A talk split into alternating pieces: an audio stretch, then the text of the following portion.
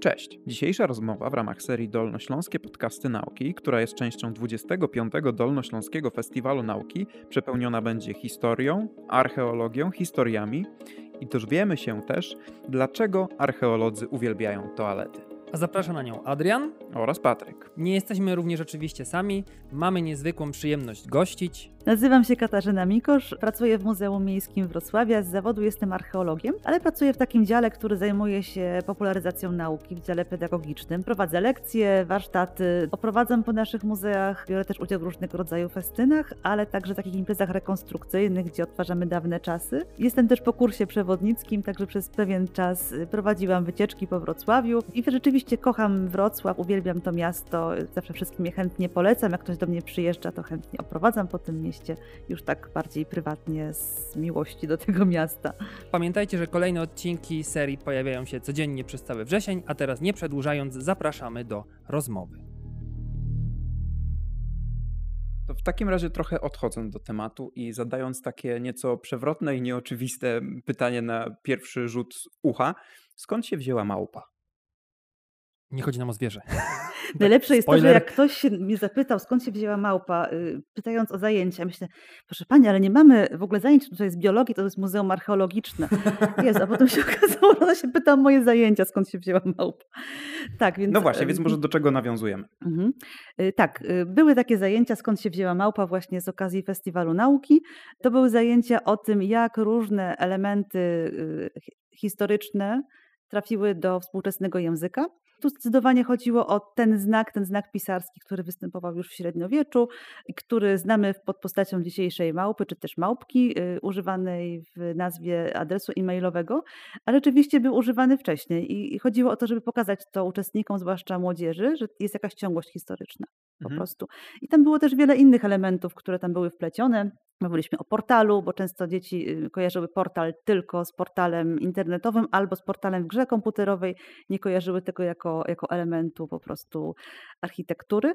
Wiele tego typu innych elementów było tam pokazanych, wychwyconych właśnie mhm. podczas tych zajęć. Na prezentacji pokazywaliśmy nasze przykłady z muzeum, różnych właśnie i tego typu miejsc, tak samo witryn, prawda, bo też słowo witryna też się kojarzyło zawsze z witryną internetową, a niekoniecznie z witryną szklaną, tak, sklepową czy też muzealną, tak. A jeśli chodzi o właśnie Pani inicjatywę w ramach DFN-u, być może ma Pani jakąś taką ulubioną inicjatywę? No właśnie jednym z, jednych z takich wykładów czy e, zajęć, które Pani prowadziła, opowiadała, było to, jak te e, nowoczesne terminy mają swoje historyczne znaczenie, a może jeszcze któreś z Pani inicjatyw bardzo miło wspomina? Znaczy ja w ogóle mam takie poczucie, że jest to fantastyczna okazja, żeby upowszechniać naukę w taki często lekki, sympatyczny sposób, a jednocześnie pokazywać, że nauka to nie jest to samo co pseudonauka. Jakby wykorzystuję tę okazję, żeby w jakiś przyjemny sposób pokazać źródło informacji. Bardzo różne tematy y, były prowadzone poza tą małpą, która nie ma nic wspólnego z biologią oczywiście, y, był też temat o tym, czy superbohaterowie mogą nas uczyć historii. I to był też bardzo ciekawy temat, kiedy y, pokazywaliśmy różne takie screeny z różnych filmów o superbohaterach i nawiązywaliśmy do realiów historycznych. Tu może nie chodziło o taką historię, jak może niektórzy oczekiwali, że to będą jakieś wątki stricte polityczno-militarne, bardziej taką historię kultury. Ale na przykład w przypadku filmów o Avengersach czy o to, że mówiliśmy troszkę o wierzeniach y, skandynawskich, prawda, nawiązywaliśmy, bo często dzieci też nie wiedziały, że takie postacie jak Odyn, Thor, y, Freya to są postacie, które pochodzą z mitologii skandynawskiej, a nie są wymysłem scenarzystów filmu czy, czy twórców komiksu, jak inne postacie. E, mówiliśmy też na przykład o, y, o postaci y, z Wonder Woman, gdzie Przeciwniczką Wonder Woman jest kobieta, która jest chemiczką, a jednocześnie próbuje wynaleźć jakiś tam, jakąś substancję, która spowoduje straszną katastrofę podczas ataków bojowych. I inspiracją do tej postaci był wrocławski chemik Fritz Haber. Więc o tym też mówiliśmy. Tak więc takie bardziej wątki y, historyczno-kulturowe niż, niż takie historii militarno-politycznej, ale dzięki temu też można było przedstawić pewne rzeczy. Natomiast ja miałam kłopot z tym wykładem, dlatego że on był celowany w młodzież i dzieci, a przyszły mi osoby dorosłe. Okej, okay. okay. zwykle, zwykle wydaje mi się, że jest odwrotna tendencja, czyli spodziewamy się osób młodszych, bo ja też miałem właśnie kilka wydarzeń i właśnie spodziewałem się osób trochę na zasadzie właśnie liceum, liceum albo i później, a przyszło raczej gimnazjum podstawówka i też dostosować jednak ten wyk dosyć dużym wyzwaniem. Natomiast ja jestem zdziwiony w sumie. Może to też kwestia tego, że ja jestem już po studiach i powiedzmy, znaczy nie chcę powiedzieć stary, bo to, bo to gdzie tam 26 lat, ale tego, że ta mitologia nordycka, tam właśnie tych ludzi, ta skandynawska mitologia jest taka niepopularna gdzie mi się wydaje właśnie, że Odyn i Thor, bogowie, ta mitologia jest dosyć powszechna. Nie tak oczywiście jak grecka i rzymska, bo wydaje mi się, że jej, jej popularność wywodzi się po prostu z tego, że są wykładane w szkole, a w szkole gdzieś tam tej mitologii takiej typowo nordyckiej nie ma. I nie wiem, czy pani znalazła odpowiedź na to pytanie, bo jestem trochę mm. zdziwiony, że, że to są postacie, które no mało kto kojarzy i wydaje się, że w takich właśnie filmach typu serii Marvela jest powiedziane, że, że to są po prostu wymyślone przez scenarzystów, zaczerpnięte po prostu z ludzkiej wyobraźni, a nie, a nie gdzieś tam na, oparte na bierzeniach. Mnóstwo ludzi tak myśli i to nie tylko dzieci, ale tak samo osób dorosłych y, nie mają pojęcia, że są to postacie z mitologii nordyckiej. Natomiast to, dlaczego ta mitologia nordycka jest mniej popularna niż grecka, to nie jest tylko kwestia tego, że jest, nie jest wykładana w szkole, ale też kwestia jest taka, że nasza kultura kultura, nazwijmy to europejska, w dużej mierze opiera się na kulturze antycznej. Jak wiadomo, dlatego, że ją w jakiś sposób y, reanimowali różni humaniści y, w czasie odrodzenia, to nasz sposób myślenia, nasze postrzeganie estetyki, piękna jest w dużej mierze oparte na, na antyku. Jeżeli zobaczymy jakieś zdjęcia rzeźby na przykład, pokażemy rzeźbę hinduską, rzeźbę grecką, inkaską czy meksykańską, to nam się najbardziej realistyczna i taka swojska będzie wydawać ta grecka. Ale ona wcale nie jest bardziej realistyczna niż na przykład ta hinduska, tylko my się opatrzyliśmy z tą kulturą grecką. To samo, co tutaj też Pan mówił odnośnie do, do tych elementów takich neoklasycystycznych na budynkach, prawda? Że mm, my tak, to, my tak. to lubimy. Ich jest, ich jest mnóstwo, każde mm, europejskie tak, miasto nawet tak naprawdę. stąd coś tam widzimy. Y, no bo jakby my się z tym opatrzyliśmy i to jest coś dla nas takiego bliskiego, swojskiego i na tym się opiera nasza kultura. Natomiast mitologia germańska była bardziej mm, popularna od XIX wieku dopiero, znaczy była też wcześniej popularna, ale dopiero taki boom był od XIX wieku, zwłaszcza w państwach tutaj Europy Środkowej i one zaczynały z czasem propagować tą mitologię jako taki element y, kultury rodzimej tak zwany. I on trochę się później jakby pojawił w takim nurcie kultury i dlatego też jest mniej popularny niż ten e, nurt kultury antycznej i mitologii greckiej czy rzymskiej. A jeśli chodzi o to, dlaczego ludzie współcześnie nie kojarzą Tora i Odyna jako postaci mitologicznych, nie wiem, myślę, że to wynika z tego, że ludzie po prostu patrzą na filmy Marvela czy, czy DC, widzą różne postacie i im do głowy nie przychodzi, skąd te postacie się wzięły. Skoro czy czwarte się wzięła z fantazji autora, scenarzysty bądź twórcy komiksów pierwotnie, no to być może ten Thor czy, czy Odin też, tym bardziej, że też występują w tych filmach inne postacie razem, fantastyczne. Tak, to trochę, jest taki, taki związek. Mhm, gdzieś nie przychodzi człowiekowi może instynktownie, żeby gdzieś łączyć tą nowoczesność z tą mitologią, że ta mm. osoba, która tam była te xxx lat temu mogłaby się teraz znaleźć w tej, w tej nowoczesności. Ja się teraz chciałem śmiać, że potrzebujemy więcej drakarów w Europie i że po prostu na nas wikingowie nie najechali za tych czasów. A teraz pytanie, bo jeśli dobrze kojarzę i teraz mogę się Y, gdzieś tam źle wypowiedzieć, bo wikingowie chyba też najeżdżali tereny Anglii, prawda? Oczywiście, I tak. teraz pytanie brzmi, czy w Wielkiej Brytanii ta mitologia nordycka jest jakaś bardziej powszechna i te, ta kultura jest gdzieś bardziej znana? Jeśli, jeśli pani wiadomo, swoją drogą też na koszulce chyba ma pani tak, gdzieś, tak, tak, tak Drakara właśnie, tak, tak zwróciłem, zwróciłem oko. Właśnie, czy gdzieś w Wielkiej Brytanii, w tych terenach właśnie tam na wyspach jest ta kultura taka bardziej obecna? Ja pozwolę się tylko mhm. wtrącić, bo mam jedną ciekawostkę. Pani ma na pewno ich mnóstwo, a ja chcę pochwalić się tą jedną ciekawostką, że nawet nazwa czwartku, Thursday, jest dniem Tora. Nie tylko, o tym zaraz mogę więcej powiedzieć, jak pan Super. jest zaciekawiony. Tak, jesteśmy, ja chcę. To zaraz ja o tym więcej powiem, ale zacznę jeszcze y, od, od tego pytania odnośnie do, do Anglii. Mhm. Y, jest bardziej popularna, jeżeli się zwiedza muzea w Anglii, muzea archeologiczne czy historyczne, to już dzieci idąc na lekcję muzealną mogą zobaczyć zabytki należące do kultury skandynawskiej, do wikingów. Więc one są od dziecka uczone, że ci wikingowie są i na pewno ta ich wiedza jest większa. Bo jak idziemy do Muzeum Archeologicznego w Polsce, zobaczymy tych zabytków dużo, dużo mniej, dużo mniej niż w Anglii. I jakby już taka edukacja po prostu sprzyja temu. Jeśli chodzi o te dni tygodnia, to też jest fantastyczna sprawa i też czasem to mówię e, dzieciom na zajęciach muzealnych, że w ogóle wiele dni tygodnia w językach germańskich, czy to w języku niemieckim, czy angielskim, ma związek z bóstwami z mitologii skandynawskiej, e, tak samo jak w językach romańskich z mitologią rzymską. W języku polskim my tego nie czujemy, ponieważ mamy inne dni tygodnia. W języku na przykład hiszpańskim Wszystkie dni tygodnia pochodzą od bóstw, które jednocześnie się wiążą z ciałami niebieskimi. Na przykład lunes to jest poniedziałek i to jest dzień luny, czyli y, księżyca. Potem jest Martes, czyli dzień Marsa, który wiadomo bogiem wojny. Jueves, który jest dniem Jowisza. I Jowisz to jest bóg obsługujący pioruny. Potem mamy Wiernes, czyli to jest piątek. On od bogini Wenery jest, która zajmowała się pięknem, urodą, ale jednocześnie małżeństwem. I tak dalej. Jak sobie te dni z kultury łacińskiej przełożymy na dni germańskie, czyli na przykład hiszpańskie, na dni y, angielskie czy niemieckie, to zobaczymy, że była to niemalże kopia pewnych bóstw. Czyli jeżeli Jueves był dniem y, Jowisza, który zajmował się piorunami, no to widzimy, że ten Jueves, czyli czwartek, w języku angielskim Thursday, a w języku y, niemieckim Donnerstag, to jest też dzień, to jest dzień jakiegoś Boga. W języku angielskim mamy Thursday, dzień Tora, czyli znowu te pioruny. W języku niemieckim Donnerstag, czyli dzień Boga Donara, który też obsługiwał pioruny.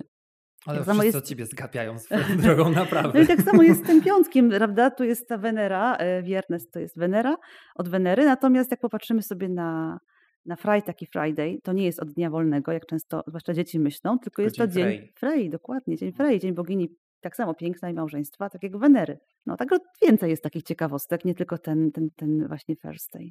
W takim razie mamy trochę nudne te dni tygodnia. No tak, piątego piątego dnia, sobota od nie wiem. Od szabatu pewnie. Od szabatu. Aha, mhm. okej, okay, dobra. Ale też jest taka teoria, że być może tam był jakiś wątek też Saturna, który gdzieś tam się pojawił. E, no być może. Mhm, Są mhm. różne teorie, skąd ta sobota się wzięła.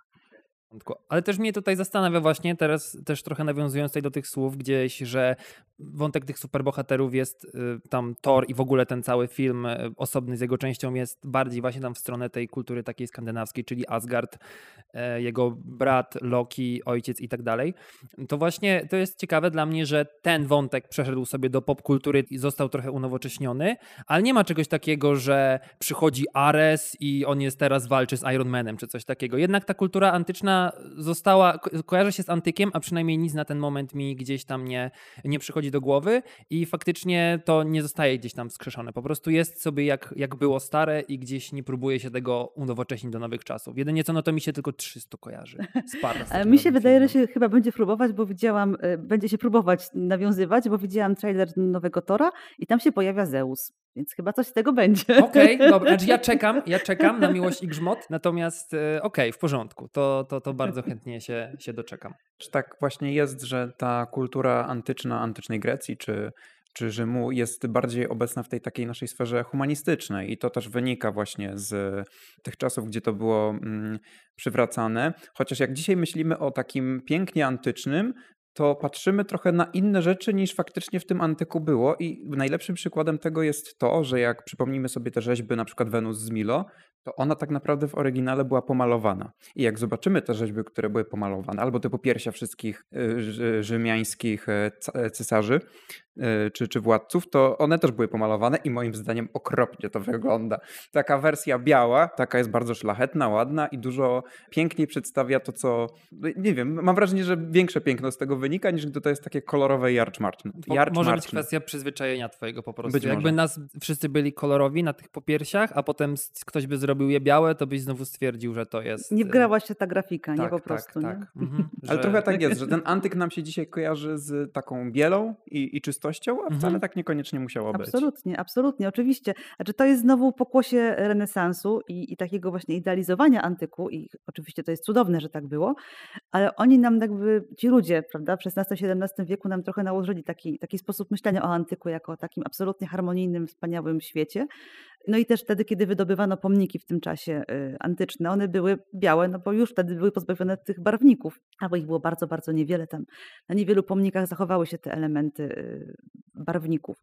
No i jakby my patrzymy oczami ludzi renesansu na ten antyk, to prawda, i rzeczywiście go idealizujemy, tak samo jak myślimy o białych szatach, gdzie te szaty generalnie były kolorowe. No, Rzymianie czy Grecy chętnie farbowali swoje tkaniny, bardzo chętnie. Jak ktoś miał białą czy szarą, to po prostu dlatego, że go nie było stać na jakieś piękne barwniki. Mówię o takich zwykłych ludziach, nie mówię o, o jakimś takim systemie, że kapłan musi mieć białą szatę czy, czy, mm, czy urzędnik, no bo też były takie obostrzenia, ale najchętniej ludzie nosili barwne szaty i wcale nie byli, nie snuli się białych, pięknych To faktycznie szatach. dzisiaj, jeżeli jest jakieś... Wszystkie podręczniki kłamią do historii. Ja jak widzę Rzymianina właśnie, to pomijam czerwień i biel chyba i ewentualnie taki kremowy. Tak zwykle jak mi się kojarzą te wszystkie ryciny z podręczników, to właśnie gdzieś tam w tych kolorach, w tych barwach, że idzie ktoś dostojny to idzie właśnie zwykle ta czerwona przepaska, biała szata, kobieta zwykle na biało gdzieś i Ale i jak bez, wyobrazisz bez sobie takiego fanaberii. starożytnego gra- białym prześcieradle tak, Tak, naprawdę. białym, tak, białym ja myślę, że, prześcieradle i w lokach. ja myślę, że właśnie, że te dzisiejsze matki, które muszą przyszykować dziecko na bal przebierańców albo na dzień mitologii w szkole i Jest które łatwiej. po prostu tak, ubierają w prześci- są wdzięczne. Sam są tak wdzięczne. zrobiłem na jeden bal niedawno. Owinąłem się w prześcieradło, po prostu. Mhm. No tak jest. Tak samo jak my myślimy o budowlach antycznych, myślimy antyk i widzimy te piękne białe marmurowe fasady. Ja nie mówię, jest też biały marmur i rzeczywiście okładano bardzo wiele elementów architektury białym marmurem, ale jak pojedziemy sobie do Rzymu na przykład, czy zobaczymy w ogóle jakieś antyczne budowle, zwłaszcza rzymskie, to jesteśmy zaszokowani, że one po pierwsze są tak wielkie, nie myślimy w ogóle o tym w takich kategoriach, a po drugie, że one są w większości z cegły. One oczywiście częściowo były okładane, ale nie wszystkie. Byśmy się cofnęli w czasie do antycznego Rzymu i zobaczyli właśnie ten Rzym, no to zobaczylibyśmy ludzi nie w białych szatach, tylko w barwnych i do tego miasto wyglądałoby y, bardziej szaro-czerwono niż, niż biało. Także to jest wiele takich mitów na temat Rzymu, Grecji czy w ogóle antyku. To łatwo takie przekłamanie. To nie tylko Hollywood kłamie, ale to już e, Historia kłamie. tak, nie wiem. swoich podręcznikach. Ray jak pisał, to, to też już kłamał i, i, i tak dalej. Chociaż no to też wynikało z tego, że to, co zostało wydobyte e, potem e, w latach, nie wiem, na przykład w XVI-XVII wieku, to już po prostu było wypaczone z tych, z tych barwników. Stąd pewnie to przekłamanie, a nie z jakiejś złej intencji. A jeśli chodzi o pewne przekłamanie i, i, i jakieś takie mm, zmiany, jeden też z tematów, które pani poruszała w ramach Dolnośląskiego Festiwalu Nauki, przynajmniej częściowo nawiązywało to przekłady książek. I interesuje mnie taka rzecz, czy właśnie to, jakim językiem operujemy, jest w stanie y, sprawić, że w jakiś inny sposób postrzegamy to samo dzieło. Czy to na przykład, y, może zacznijmy od książek właśnie. Czy sam przekład książki może sprawić, że, że dane dzieło zupełnie inaczej postrzegamy? To y, wiem, że teraz wychodzi tłumaczenie Any Zielonego Wzgórza, która się będzie nazywać N z Zielonych Szczytów i, i właśnie nie będzie tłumaczone na Nie, język polski. dlaczego? Wychodzi takie tłumaczenie, ale ja się na tłumaczeniach w ogóle nie znam, w ogóle kompletnie jest to temat mi obcy. Te zajęcia o, o tłumaczeniach, o języku dotyczyły tak naprawdę grafiki, rysunku, bardziej rysunku niż grafiki. Do Iliady autorstwa Wyspiańskiego. Wtedy mieliśmy taką wystawę y, w ogóle malarstwa młodopolskiego i między innymi były dwa rysunki Wyspiańskiego, który stworzył je po to, żeby ilustrować właśnie jeden z przekładów y, Iliady, przekładów, którego dokonał jego znajomy czy przyjaciel. I mnie te grafiki zainspirowały, żeby zrobić zajęcia na temat Iliady, bo jest to temat, który bardzo lubię i który myślę, że warto pokazywać i, i szerzyć. I wtedy wymyśliłam, że można to fajnie połączyć z nadchodzącym dniem, dniem języka oj- ojczystego. Mhm. Y, I jakby w ciągu tego dnia zrealizowałam część tego tematu, a potem jak już wiedziałam, jak to działa ten temat, to postanowiłam go przełożyć tutaj y, na, na Festiwal Nauki i, i powtórzyłam ten temat tylko właśnie w takim trochę szerszym kontekście. Y, I tak naprawdę ten wątek tego tłumaczenia tutaj był taki dla mnie, był dla mnie bardziej narzędziem Mhm, niż mhm. celem do osiągnięcia. Bardziej chodziło o to, żeby popracować na tym tekście, zobaczyć, jakie były te tłumaczenia bardziej archaicznym językiem, czy bardziej współczesnym. Ale nie jestem znawcą języka i Mhm. po prostu jakby nawet nie miałam takich kompetencji, żeby na ten temat z moimi uczestnikami rozmawiać. Bardziej chodziło o to, żeby one, żeby te przykłady były pretekstem do rozmowy o samej Iliadzie i do pokazania chociażby tych, tych rysunków Wyspiańskiego. Okej. Czyli to faktycznie no, mogło być tak, że e, to, co Wyspiański e, przelewał na, na, na, na twórczo na papier, to mogło wynikać z jakiejś takiej inwencji twórczej też tłumacza i wcale nie było koniecznie zgodne z oryginałem greckim. Być może tak. Być może tak. Tym bardziej, że on w ogóle tworzył te rysunki bardzo ciekawe, bo on nie wybierał takich klasycznych tematów z tej Iliady, Mhm. takich najbardziej znanych, które my kojarzymy z Iliadą, typu, nie wiem, tam pogrzeb Patroklosa, czy coś takiego ikonicznego, tylko takie wątki zupełnie poboczne, mniej popularne, gdzieś tam pojawiające się w tle albo albo wątki, które jakby nie ilustrowały głównych wydarzeń. Mhm. To u niego było ciekawe. On takie miał inne spojrzenie na tą Iliadę.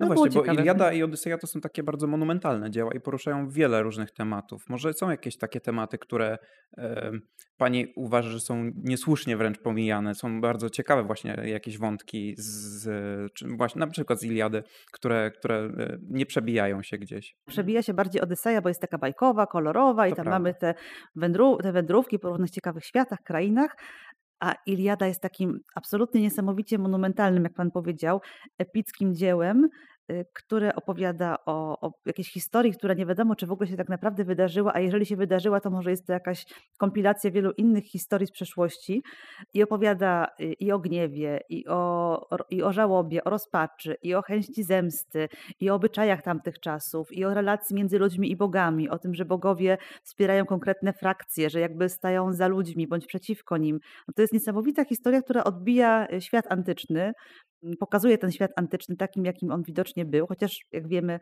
Iliada pokazuje nam bardzo taki pierwotny świat antyczny, bo to, co się wydarzyło, być może wydarzyło się jeszcze w epoce brązu, a spisane było jeszcze przed Grecją klasyczną, bo, bo Homer, jeżeli faktycznie żył, no to nie żył w tych czasach Grecji klasycznej V wieku przed Chrystusem, o którym my tak myślimy, tak klasyczna Grecja, prawda, teatr czy, czy filozofowie żył wcześniej.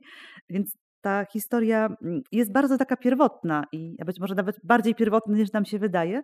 I mi się wydaje, że tą Iliadę faktycznie warto znać, ale do niej trzeba dojrzeć, bo to nie jest taka bajkowa historia jak Odyseja, którą mhm. można tak łatwo pokazać na przykład najmłodszym. Także a czy jej monumentalność mogła sprzyjać temu, że ona przetrwała do dzisiejszych czasów? No bo wiele dzieł, czy w ogóle jakieś e, e, spadku po, po antycznych Grekach, to wszystko mm, w dużej mierze zaginęło i, i trochę czasami aż żal, e, że nie możemy dzisiaj zobaczyć Kolosa z Rodos, czy, czy inne jakieś elementy siedmiu cudów antycznego świata. Więc właśnie, czy ta monumentalność mogła sprzyjać temu, że, że tak potężne dzieło ciężko zgubić? To znaczy ono się fizycznie nie zachowało, prawda, w jakiejś mhm. fizycznej formie na pergaminie, czy oczywiście nie na papierze, bo wtedy nie było takiej możliwości, ale jak większość dzieł antycznych, ono, ono było przepisywane przez długi czas, a taki boom na przepisywanie pojawił się w czasach renesansu, kiedy wręcz zlecano różnym podróżnikom poszukiwanie różnych ksiąg y, i, i przepisywanie ich. Oni na przykład potrafili czasem mm, współpracować z zakonnikami, gdzieś tam się do nich dołączyć i poprosić o możliwość przepisania takiego dzieła. Więc jakby ta Iliada sama nie, sama nie, nie przetrwała jako jakiś fizyczny mhm. artefakt. Fakt, prawda? Zresztą w ogóle ona powstała na początku jako dzieło y, kultury Słowne. tak, ustnej, tak, oralnej. Chodziło o to, żeby ją przekazywać ustnie, nie miała być zapisana. Jest w ogóle niesamowite, że, y, że zakładano, że ktoś jest w stanie zapamiętać tak potężne dzieło, je intonować, śpiewać gdzieś tam przy ognisku wieczorem. No właśnie trochę pytanie do, dotyczące tego, co było o, o, spisywaniu materiałów, o zachowywaniu tego wszystkiego, bo część tych, to już powiedzmy tam trochę w tym cudzysłowie, przekłamań historycznych też wynika z tego, no, chodzi mi tutaj przez przekłamanie, mam na myśli to, że niekoniecznie te szaty, te pomniki były białe, bo zeszły z nich te farby, o czym nie wiedzieliśmy, że to wszystko wynika z tego, że ciężko się bada historię i do, trafia do takich rzeczy, żeby to tak odtworzyć, prawda, bo jednak tutaj trochę nawiązuje do tego badania pod kątem, czy to archeologii, czy gdzieś tam wszystkich tych e, artefaktów, które tam nam pozostawiają, bo po pierwsze dużo rzeczy zostały już chyba wydobyte, czy skala tych odkryć jednak jest jeszcze, jeszcze spora. Czy, czy na przykład nowoczesna architektura miejska, gdzieś tych czasów właśnie starożytnych, typu w Grecji, w Rzymie, zastąpiła już te stare budynki i na przykład wszystko, co leży w fundamentach, no trochę nie da się zdobyć, no bo są tam nowe domy i, i ciężko byłoby to zrobić na przykład bez uszkodzenia obecnej infrastruktury. Bardzo złożone pytanie, ja się postaram je podzielić na kawałki. Więc tak, pierwsze pytanie, czy wszystko wydobyto? Nie. Tam, gdzie się wbije łopatę, tam coś można znaleźć. Drugie pytanie, czy nowoczesna architektura zasłoniła nam przeszłość? Jeśli chodzi o architekturę, która powstawała na, na przykład pod koniec XIX wieku czy na początku XX wieku i już była wtedy nowoczesna, tak, bo nie było wtedy prawa, że trzeba dokonywać wykopalisk archeologicznych, bo w ogóle archeologia wtedy jeszcze raczkowała, a poza tym wtedy atrakcyjne były tylko całe naczynia, elementy ozdobne czy rzeźby, a to, co dzisiaj jest dla archeologów ważne, typu wszelkie przebarwienia w ziemi, węgielki, y, czy też jakieś elementy mm, artefaktów, które się wiążą z codziennym życiem, czyli na przykład potłuczone naczynia, wtedy były w ogóle mniej istotne, więc to gdzieś tam przypadło. No i trzecia część, współcześnie, jeżeli się buduje współcześnie budynki, to w większości krajów jest takie prawo, że zanim wjedzie buldożer, musi wejść ekipa archeologiczna i ten teren przebadać i to na szczęście nas ratuje przed takim unicestwieniem tych tego naszego dziedzictwa. Mówię ogólnie europejskiego. Bo to też nie jest tak, że jeżeli ktoś na budowie znajdzie jakąś tam tę przysłowiową kość, to jest tak, że budowa jest wstrzymana na 10 lat i przychodzą archeolodzy i badają każdy milimetr, prawda? To jest chyba takie powszechne przekonanie. To jest przekonanie, natomiast rzeczywiście jest tak, że przynajmniej w Polsce jest takie prawo, że wszystko, co jest poniżej warstwy ornej, czyli humusu, czyli tej biologicznie aktywnej warstwy, należy do państwa, a nie do właściciela tej ziemi. No i ta osoba, która buduje w jakimś konkretnym miejscu budynek albo drogę, musi ten teren zgłosić zgłosić y, do konserwatora, musi być y, teren przebadany przez archeologów, albo chociażby musi być nadzór archeologiczny. No i oczywiście czasem tak jest, że jak coś tam się bardzo atrakcyjnego naukowo znajdzie, to teren, czy znaczy zbadanie tego terenu zajmuje trochę więcej czasu. Więc rzeczywiście czasem archeolodzy w jakiś sposób przedłużają prace budowlane, Natomiast y, mitem jest to, że każda praca archeologiczna wstrzymuje, blokuje i, i, nie da się dalej nic z tym zrobić. To jest absolutnie mit. Natomiast cieszę się, że trzeba ten teren przebadać, no bo to jest nasze dziedzictwo. My o nim nie będziemy nic wiedzieli, jeżeli tego nie przebadamy. No i też nie, nie byłoby dobrze, gdybyśmy byli krótkowzroczni i patrzyli tylko na czubek własnego nosa, bo po nas też będą żyły inne osoby. Też robimy to dla nich, nie tylko dla siebie. Ale też ciekawą kwestią jest to, że mm, właśnie te wszystkie rzeczy się zachowują, bo z, jak mijają wieki, miasta zaczynają leżeć coraz wyżej. Można to nawet we Wrocławiu zaobserwować, że brama Oławska jest już tam parę metrów pod aktualnym y, poziomem y, ulicy, więc wiele tych zabytków po prostu sobie spokojnie pod tą ziemią czeka. Wszystkie współczesne miasta są y, coraz wyżej jak gdyby położone. Mhm. Jest coś takiego, bo wynika to głównie z tego, że miasta średniowieczne się podwyższały, dlatego że jeżeli na przykład na, na przykład na rynku pojawiła się warstwa brudu i dochodziło do takiej ilości tego brudu, na przykład odchodów zwierzęcych, czy jakichś wyrzuconych warzyw, czy, czy jakichś resztek po jedzeniu, czy jakichś zdechłych zwierząt. Jeżeli tego się nie udało uprzątnąć, to oczywiście było sprzątane w miarę na bieżąco, ale były takie momenty, że faktycznie było tego dużo, to po prostu kładło się nową warstwę. Po tej warstwie ludzie wędrowali, chodzili, z czasem tam znowu się zbierał brud i układało się następną warstwę. I dlatego wiele elementów architektury, które kiedyś były mm, parterem, obecnie jest y, elementem piwnicy. Tak się po prostu poziomy miast podwyższały tak w średniowieczu i, i we wczesnej nowożytności. No więc to jest chyba taki też e, skarb i bardzo cenna rzecz dla, dla archeologów, bo po prostu to na nich gdzieś tam wszystko czeka. Najbardziej cenne są w ogóle toalety dla archeologów, jeśli chodzi o średniowiecze, dlatego że do toalet e, średniowiecznych mieszkańcy ówczesnych miast wrzucali różne przedmioty, które im się nie przydawały, traktowali je jako śmietniki, a poza tym podczas załatwiania swoich spraw też tam czasem coś im spadło, jakaś na przykład oprawka od książki albo but, torebka, i y, kiedy taką y, średniowieczną toaletę, a fachowo mówiąc kloakę, archeolodzy badają, no to mają wielkie szczęście, ponieważ w takich warunkach starej toalety nie ma tlenu w dużej ilości. Są warunki beztlenowe, a one sprzyjają temu, żeby pewne przedmioty, zwłaszcza organiczne, takie jak drewno, skóra, futro, kość, włosy, się tak szybko nie rozkładały. Jeżeli w muzeum zobaczycie e, wiele przedmiotów organicznych ze średniowiecza, czyli na przykład butów, torebek, fragmentów tkani, no to można mieć podejrzenie, że one pochodzą właśnie z takich toalet, bo w innym przypadku prawdopodobnie by się rozłożyły. Czyli funkcjonalność takiej toalety działała na zasadzie zbierano w dole y, różne rzeczy, znaczy, które ja zbierano. Ja wyobrazić, co by musiał zrobić, żeby mnie tam but na przykład zgubił albo torebkę. tak na zasadzie, no, przyrównując to do dzisiejszego standardu, tak nazwijmy. Nie wiadomo skąd się brały te przedmioty. To znaczy tak, powiedzmy niektóre intencjonalnie tam wrzucono, no bo na przykład komuś coś już się nie przydało i tam wyrzucił, żeby gdzieś wyrzucić, ale znajdowanie tam różnych na przykład monet, czy właśnie jakichś talerzy albo butów jest zagadkowe. Ja chciałem powiedzieć, że moneta na szczęście, ale to tak to chyba trochę się kłóci.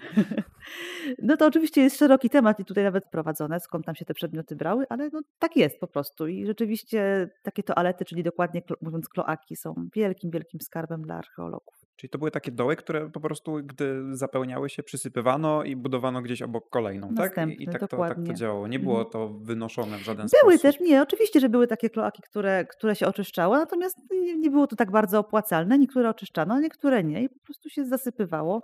Budowało się następną. No przedsięwzięcie tak z, z racji takiej specyficznej substancji, która tam lądowała, wydaje mi się, że łatwiej było to zakopać niż, niż gdzieś. Niż przenosić. Tak, niż przenosić po prostu. Zrobić to. Natura zrobi swoje, biogaz będzie leżał.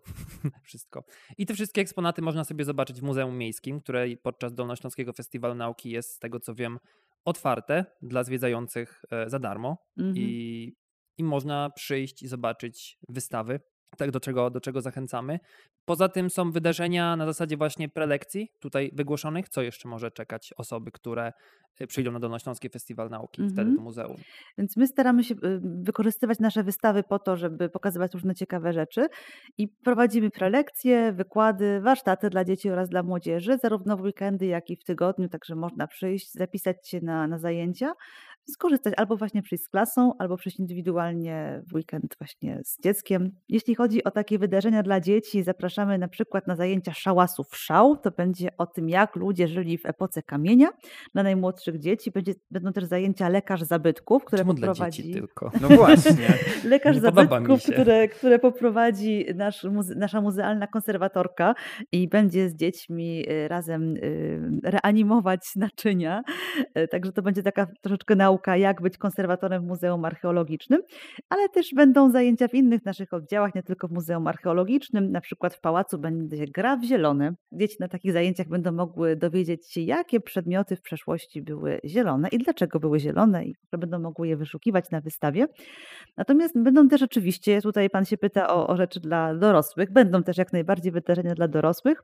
Na przykład będą bardzo ciekawe wycieczki y, po Starym Cmentarzu Żydowskim, y, ponieważ y, edycja tegoroczna Festiwalu Nauki nawiązuje e, właśnie do, do nauki jako takiej. Będzie bardzo ciekawy spacer o uczonych z XIX i XX wieku po Starym Cmentarzu Żydowskim. Także będzie można zobaczyć nagrobki osób, które miały związek z nauką. Czy tam można również odnaleźć e, nagrobki rodziny Haber? Tak, jest tam pochowany ojciec y, Fritza Habera, jest pochowana jego macocha, tak więc jak najbardziej są osoby, które y, były związane z Fritzem Haberem i na pewno opowieść o Haberze się tam pojawi. Super. To jest jedna z moich ulubionych postaci, takich historycznych związanych z Wrocławiem. Tak, Mhm. nagrała się o tym ponad no, prawie godzinę rozmawiania. Także zachęcamy do, do udziału we wszystkich tych wydarzeniach. No myślę, że to na pewno będzie też cenna rzecz, a sam cmentarz żydowski jest po prostu też bardzo ładnym. E, Tak, jest to miejsce, które jest bardzo blisko centrum miasta, ale jednocześnie jest to taka ostoja spokoju. Można się tak zadumać, posłuchać śpiewu ptaków, słuchać się w siebie. Piękne miejsce, pełne i refleksji, y, i również miejsce zdobywania wiedzy. a w ramach wystaw co można konkretnie zobaczyć? Jest coś konkretnie takiego przygotowanego specjalnie do Dolnośląski Festiwal Nauki, czy to są jakieś pewne stałe wystawy? Mamy wystawy stałe. Nasze muzeum, Muzeum Miejskie Wrocławia ma bardzo wiele wystaw, ponieważ mamy kilka budynków, y, których łącznie mamy siedem oddziałów. My się opiekujemy tymi jednymi z najbardziej znanych budynków we Wrocławiu, na przykład ratuszem, gdzie jest Muzeum Sztuki Mieszczańskiej. E, Można tam zobaczyć sale, w których pracowali dawni radni, ławnicy inni pracownicy ratusza. E, Opiekujemy się też budynkami pałacowymi, gdzie mamy Muzeum Historyczne, Muzeum Sztuki Medalierskiej i Muzeum Teatru. I można w nich zobaczyć różne przedmioty, które się wiążą z historią Wrocławia oraz w przypadku Muzeum Teatru także z różnymi eksponatami teatralnymi. Co ciekawe, y, w budynku Arsenału Miejskiego, który rzeczywiście pełnił dawniej funkcję Arsenału, tam trzymano broń oraz, oraz różne zapasy, mamy dzisiaj Muzeum Archeologiczne oraz Muzeum Militariów. Więc ten wątek dalej tu się pojawia, militariów. y, I mamy od centrum muzeum, jest to muzeum na świeżym powietrzu. Jest to stary cmentarz żydowski, który nosi nazwę oficjalną Muzeum Sztuki Cmentarnej. I wszystkie te obiekty są do oglądania, można je zobaczyć, y, można przyjść na stałą wystawę i poznać historię głównie Wrocławia, chociaż nie tylko, prawda, nasze wystawy. No, zapewne każdy ma jakieś e, różne upodobania, ale gdyby jakaś osoba była jeden dzień i pani musiałaby któreś miejsce konkretnie polecić, Za rączkę, patrz, patrz, ogl- oglądaj, podziwiaj. rzecz jedną wybrać, ktoś ma jedno popołudnie, gdzie mógłby się udać najlepiej. Najlepiej myślę do Muzeum Historycznego w Pałacu Królewskim, bo to jest 25 sal historii Wrocławia, od średniowiecza po czasy współczesne. Mhm. Y, Można jakby przechodząc przez te 25 sal zobaczyć historię miasta. Najciekawsze eksponaty. A pod kątem e, właśnie, jeśli chodzi nawet nie eksponatów, a danego miejsca, gdzie po prostu warto być we wnętrzu danego budynku, to mm, najbardziej takim cennym miejscem jest ratusz, czy może jednak mm, arsenał, pałac? Każdy z tych budynków na swój sposób No jest, jest cenny. No ratusz ma do siebie to, że to są te oryginalne wnętrza, gdzie, gdzie pracowali tak ważni ludzie, jak właśnie ci radni we Wrocławiu. I w ratuszu zapadały przez 600 lat najważniejsze decyzje dla Wrocławia. Jeżeli patrzymy na Wrocław i zobaczymy różne, różne drogi, budynki, miejsca, to możemy mieć świadomość, że decyzja, żeby one powstały, zapadały właśnie praktycznie do XIX wieku w ratuszu, więc no to jest takie niesamowite. Dotykamy historii. Tam Mhm. może nie ma wielu eksponatów, ktoś sobie wyobraża, może gablot z jakimiś przedmiotami, ale widzimy te sale, te miejsca, gdzie ci ludzie faktycznie pracowali, gdzie te decyzje zapadały i to jest takie niesamowite. Ja lubię ten taki sznyt, widzi się krzesło i to tak na zasadzie, no krzesło jak krzesło, ale tutaj siedział jeden władca, drugi władca, trzeci. Zawsze staram się gdzieś tam podczas takich e, wystaw i, i wycieczek spróbować sobie wyobrazić, jak tu się żyło, co czuł taki władca, jakimi dylematami musiał się codziennie, e, codziennie gdzieś tak zmierzać. Ja bardzo lubię, to nie jest, może nie będzie najpopularniejsza opinia, ale ja też trochę ja lubię patrzeć na te czasy, w których żyjemy, mimo tego, że są dosyć ciężkie, bo one mi tak trochę uświadamiają, że jak my się uczymy historii, to trochę nam przepada ten taki to życie codzienne przeciętnego Kowalskiego na zasadzie powiedzmy, że takie wydarzenie, na przykład, ojejku, taka epidemia mi przychodzi do głowy. Załóżmy, że gdzieś tam, nie wiem, epidemia dżumy to było tam od tego roku do tego roku. I tak, tak ktoś będzie patrzył na nas. E, dwa, Epidemia koronawirusa, dobra, 2020-2022. Okej, okay, dobra, zanotowane. Ludzie nosili maseczki, dezynfekowało się ręce i ktoś to czytając myśli, o rany, jak tam się wtedy żyło, pewnie oni nie wychodzili z domów w ogóle, byli ubrani w takie skafandry bezpieczeństwa, a tymczasem nie, my po prostu jesteśmy sobie normalnymi ludźmi, żyjemy jak żyjemy, mamy swoje konflikty, prowadzimy swoje życie i gdzieś, gdzieś lubię, lubię to w historii, że takie wydarzenia pozwalają nam trochę zobaczyć, jak ludzie żyli kiedyś. Na zasadzie właśnie jak się patrzy na te narzędzia i człowiek tak zaczyna się zastanawiać. Dla mnie już to, że ktoś żył bez internetu jest dla mnie takim, wiem... No, historią. Tak, hi historią, tak? Że to jest jak, jak ludzie wtedy żyli i też e, swoją drogą tak samo mnie najbardziej w historii imponowało to, albo bardziej może nawet zadziwiało, jak te style wracają. Czyli jak, jak było tak, że była starożytność, później było średniowiecze, w których były inne wartości, później był ten renesans, który miał znowu, był takim powrotem do klasycyzmu i tak zastanawiałem się, się skąd, skąd to się wywodzi. I tak naprawdę wydaje mi się, że to jest po prostu kwestia tego, że ludzie gdzieś mają, gdzieś coś się dzieje, ludzie mają dość, stwierdzają, że już wystarczy życia w ten sposób, żyjmy inaczej po czym znowu, nie no, chyba jednak trochę przesadziliśmy, może tam te wartości były inne, wróćmy do nich. I, i, I, widać, że ta historia, tak zwłaszcza z analizy z perspektywy czasu, to się jednak tym kołem trochę toczy. To jest dla mnie jedna z najfajniejszych lekcji, jakie się wyciąga z historii. Nie wiem, czy pani ma podobne doświadczenie, tak patrząc na to wszystko.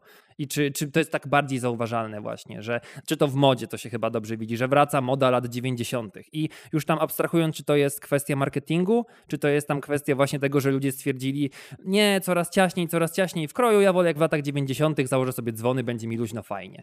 I jak, jaki ma Pani ewentualnie pogląd na to? E, to znaczy tak, y, nie lubię dzwonów nosić, może to powiem. Okej, okay.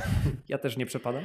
E, chociaż faktycznie e, pamiętam z końca lat 90., że były bardzo modne i ja akurat bardzo ich nie lubiłam i żałowałam, że są tylko te dzwony w sklepie. Wolałam te, te spodnie z początku lat 90., ale wtedy z kolei nic prawie nie było, więc, więc gdybym może żyła wtedy gdzieś w zachodniej Europie, to bym się cieszyła bardziej. ale tak, więc rzeczywiście ta, ta, ta moda wraca i ja też to obserwuję bardzo i bardzo mnie ciekawi w ogóle obserwowanie tej mody, ale do tematu historii wracając i tej cykliczności, to jest szalenie ciekawa rzecz. Ona oczywiście nie wynika z tego, że ludzie uznali, że jednak chcemy żyć inaczej, tylko to jest pewien taki, wiadomo, wpływ różnych czynników, na przykład to, że o, zmieniła się moda w latach międzywojennych, kobiety zaczęły nosić krótkie spódnice. To nie wynikało z tego, że ktoś pomyślał sobie, no dobra, no to ile można te długie spódnice nosić?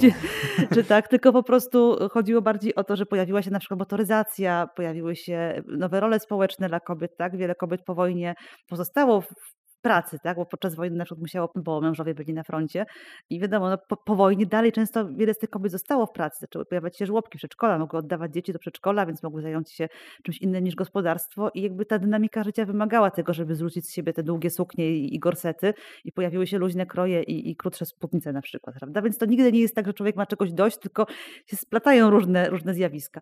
Ale to, co mi się najbardziej podoba w historii, w patrzeniu na historię, to nawet nie ta cykliczność, ona też jest fantastyczna ciekawa, ale y, to, że my możemy patrzeć na historię i dzięki temu odczuwać, jak nam jest teraz dobrze.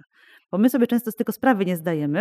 Na przykład ta epidemia, ona oczywiście była straszna i, nie chciałabym, żeby epidemia koronawirusa do nas wróciła, ale jak sobie pomyślę o na przykład epidemii dżumy we Wrocławiu nowożytnym i o tym, jak wtedy w ciągu jednego roku y, dżuma wybiła 30% mieszkańców i, i jak ludzie nie potrafili sobie kompletnie z nią poradzić, bo nie wiedzieli, co ją powoduje, no to cieszę się, że jednak żyliśmy w czasach y, mówię, bo nie chcę, żeby ten koronawirus wrócił, jednak takiej epidemii, a nie epidemii dżumy. Albo na przykład patrzę sobie na, na, na naszej wystawie na przykład na buty średniowieczne i myślę, Boże, jakie to jest cudowne, że ja mogę mieć tych butów kilka par w szafie i w ciągu mojego życia mam tych butów dziesiątki, nie wiem dokładnie ile. A gdybym żyła w czasach średniowiecza we Wrocławiu, no to jeżeli bym była mieszczanką, to może miałabym tą jedną czy dwie pary butów w ciągu mojego życia. Gdybym była jakąś osobą mieszkającą gdzieś na wsi, to nawet nie wiadomo, czy bym miała takie buty. I dochodzi o to, że patrzymy na tą historię i sobie zdajemy sprawę, jak nam jest teraz dobrze. I czasem myślimy sobie, no tak, chciałabym żyć w starożytności, w średniowieczu, byłabym księżniczką, byłbym rycerzem. No tylko gdybyśmy się cofnęli w czasie, to by się okazało, że pewnie byśmy byli właśnie jakimś bardzo, bardzo biednym, ubogim człowiekiem, który ledwie wiąże koniec z końcem, no bo takich ludzi było 90%.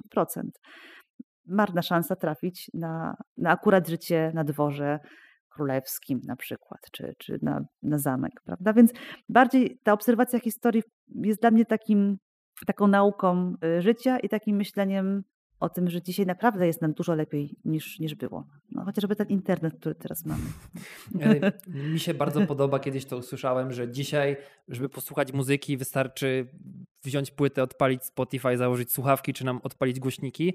Y, jak kiedyś ktoś chciał posłuchać muzyki, to musiał albo kogoś wynająć, albo sobie samemu zagrać. Dokładnie, no to, to, jest, też, to jest też coś właśnie w tej kwestii. I trochę nawiązując do dzieł kultury, tutaj chcieliśmy zadać pytanie, czy w ciągu tych ostatnich 25 lat, bo tutaj e, mówimy tutaj o popularyzacji, ponieważ jest to 25. edycja, czy jest coś, co pani uważa za takie dzieło inspirujące, coś przełomowego, ale tutaj w kontekście pani życia, pani kariery. Coś, co może właśnie pokierowało panią na drogę archeologiczną i albo może właśnie na to, by mm, być przewodnikiem, coś, co było taką inspiracją? Moją największą inspiracją była wycieczka w czwartej klasie szkoły podstawowej do Biskupina i do Gniezda. Tak. I jak ja tam zobaczyłam ten biskup, że muzeum w Biskupinie, to ja się zakochałam w archeologii. I to była moja wielka inspiracja. A potem była piąta klasa, mieliśmy antyk w szkole i to była moja druga wielka inspiracja. To są takie prywatne inspiracje. Jeśli chodzi o te 25 lat, no to jest to ogromna, ogromna zmiana w dziejach ludzkości i cieszę się, że to się cały czas zmienia i że z każdym rokiem świat się staje coraz to bardziej nam przyjazny technologicznie i, I, cieszę się, że rozwija się coś, co możemy nazwać inteligencją sztuczną. Mam nadzieję, że to faktycznie będzie szło w dobrym kierunku. Cieszy mnie to bardzo i, i cieszę się, że, ta, że ten taki wzrost, przyrost wiedzy i ten przyrost technologiczny tak nabiera tempa. To jest ta, ta, moja refleksja odnośnie ostatnich 25 lat. A tak na sam koniec, bo właśnie zapewne domyślam się, że jest tak, że każda epoka historyczna swoje piętno stawia w ten sposób, że konkretne znaleziska archeologiczne są dla niej charakterystyczne. To znaczy, nie wiem, dla antyku można znaleźć antyczne monety, zakładam. Co w takim razie pani zdaniem, jako zdaniem archeologa, pozostanie po nas? Ciężko internet będzie wykopać z ziemi, chyba że kable. E, Britannikę e, na płycie CD. No właśnie, co, co może być takiego, co, co po nas zostanie i co będzie za 200-300 lat odkopywane? Telefony komórkowe? Wszystko. Śmieci przede wszystkim zostaną. Ogromne ilości śmieci, które produkujemy. Dla archeologa to jest fajne, bo archeolog bardzo lubi śmieci, bo śmieci to jest kultura codzienna i na jej podstawie można się bardzo wiele dowiedzieć. Przede wszystkim śmieci, ale ważne jest to, że archeolodzy za 300 lat nie będą mieli takiej trudności jak archeolodzy badający epokę kamienia, czy, czy brązu, czy żelaza, dlatego że nasze czasy to są czasy piśmienne i archeolodzy będą mieli wielkie wsparcie historyków, którzy badają źródła pisane.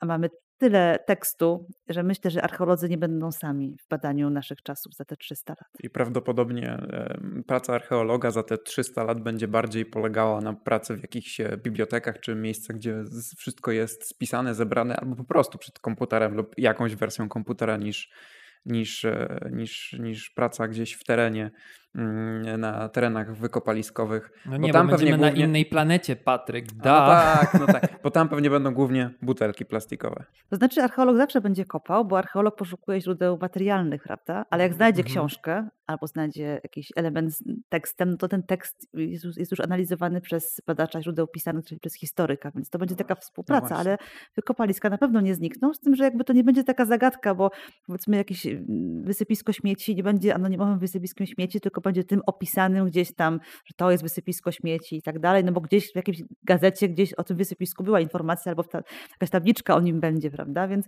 to nie jest tak, że archeolog będzie z tym sam, na mhm. pewno. Mhm. Ale w ogóle ci ludzie za 300 lat, mam nadzieję, będą tak niesamowicie inteligentni y, i będą mieli takie wielkie wsparcie technologii, że sobie z wszystkim rewelacyjnie poradzą. No właśnie, być może nie będą musieli być inteligentni. Może tak. Może będziemy maszynami po prostu, albo będziemy z nimi połączeni nie ma się czego bać, mi się wydaje. No, lepiej, żebyśmy byli ich częścią, niż żeby one nas w jakiś sposób zdominowały, prawda? No.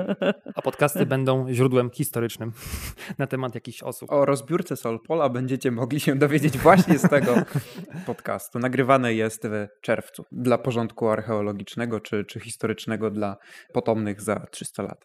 Tak, a my tymczasem dziękujemy za rozmowę. To był zaszczyt posłuchać tej historii Dolnego Śląska i nie tylko, dowiedzieć się trochę o mitologii nordyckiej. Ja czuję się usatysfak- usatysfakcjonowany. Dziękujemy bardzo. Ja też bardzo, bardzo panom dziękuję. Było bardzo sympatycznie.